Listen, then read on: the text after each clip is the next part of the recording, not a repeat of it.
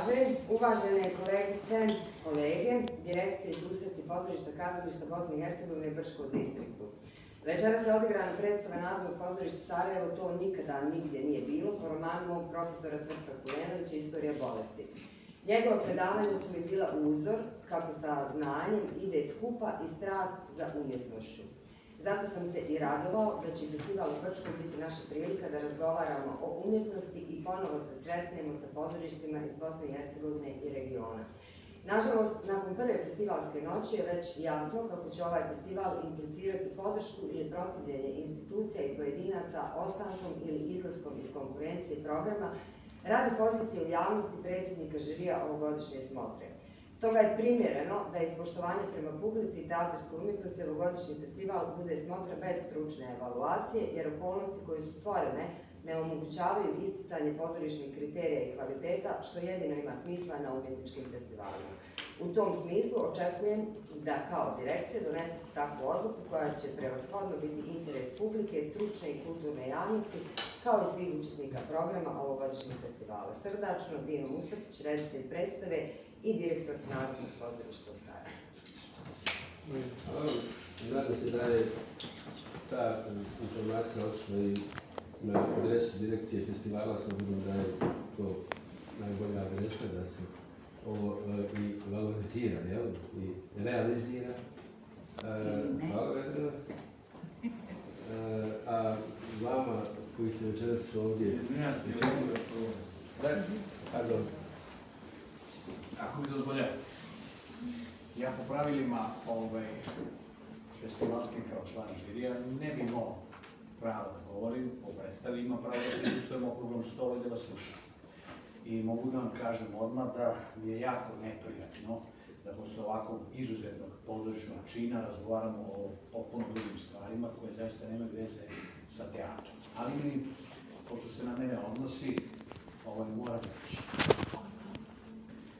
Dakle, jako sam bio počastovan pozivom da budem član žirija ovog festivala, koga vrlo cenim i ovoga grada, a posebno ove publike koja stvarno ume i zna da prati pozorišne događaje. To što je ovaj, ovaj festival na neki način doveden u pitanje upravo mojim prisustvom, me jako razočaralo iz vrlo jednostavnog razloga što se to odnosi na ono što se meni desilo u mojoj državi. Ovo je potpuno druga država, pozorišni čin je uvek univerzalan i on ne zaslužuje ovakav odnos. Ja ću morati da se osvrnem samo kratko na jednu činjenicu. 46 godina radim ovaj posao. 46 godina radim sa publikom, sa vama, kolegama, na sceni, sa puno ljubavi i sa, kažu, i dara. Iza mene stoji čitava prošlost umetnička, mnogo uloga i u pozorištu, i na filmu, i na televiziji. Onda se iznenada u moj život umeša neko ko prstom pokaže na mene i kaže da je zlostavljan, silovan. Ja začutim pred šokom, prepustim celu stvar tužilaštvu, organima države, to znači sudstvu i policiji, očekujući da saznamo istinu. Jer ja sam protiv svakog oblika zlostavljanja žena, pogotovo onih koje ne mogu da se brane, koje su žrtve, a znamo ih ima u ovoj zemlji tekako. Čak sam bio zastupnik tih pokreta i ceo život se za to borim. Sačekam čitavi šest meseci u vrlo nezgodnom stanju gde sam lično anatemisan i napadan u medijima, u kampanji koja je bila direktno usvojena protiv toga, toga da me diskredituju kao čoveka. Da ukinu čoveka u mene. I to na osnovu samo jednog pokazanog prsta, da ceo ovaj rad u 46 godina nestane sa lica zemlje.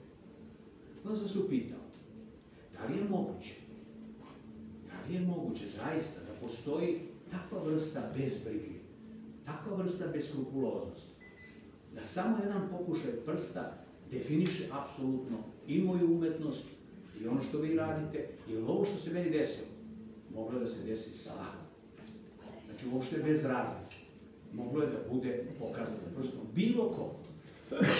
I jedino što me interesovalo jeste da ne progovorim u medijima i zbog svoje porodice, i zbog vas kolega, i zbog cijele ove situacije, nego da sačekamo istinu. I jedino što sam tražio jeste da sačekamo činjenice i dokaze. Trebalo mi je šest meseci, ti dokazi su najzad došli, više javno tužilaštvo, niti sam ja bio osumnjičen, niti optužen, bio sam samo pozvan na razgovor u policiju, da dam svoje saopštenje na jednu vrstu optužbi koje se toga tiču. I ništa više od toga. Predistražni postup, postupak je obavljen, uklonjeno je sve to, oni su se žalili više tužilaštvu apelacionom i oni su odbacili slučaj i materijal ima 1500 strana u kojima jasno stoji da ja ne samo da nema dokaza za pokretanje tužbe, nego uopšte nema da se taj čin desi. Dokazala je policija svojim istraživanjem vrlo preciznim i sa svjedocima koji prelaze broj od 30 svedoka. I ja zaista ne znam posle svega šta čovek u ovoj zemlji treba da uradi. I u ovoj, sutra, ne daj Bože nekom da se desi, ali u mojoj da bude nevin. Zar je moguće da postoji samo onaj koji je optužen, a da ne postoji lažna prijava, koja je takođe krivično delo? Znači, šta se desilo sa nama kao ljudima, kada smo sposobni, a pre svega moje kolege, ja se sad i javno obraćam, ne vama naravno, vi niste to učinili, ali obraćam se ljudima da li je moguće da niko ne postavi pitanje o lažnoj prijavi. I to je opcija, a dokazana je zakonski. I na osnovu čega ja da budem večno kriv i da ova kampanja nikad nema kraja i da poništava ceo moj život, budućnost moje dece, karijeru, egzistenciju, da li sam ja to zaslužio? Ima li zaštite za tu vrstu optužbe? Ako kolege ne uvažavaju ni istinu, ni dokaze, ja se pitam šta zastupaju? Šta onda zastupaju? Hoćemo li da se pravda definitivno preseli u medije, a kad se preseli u medije, onda postaje proizvod.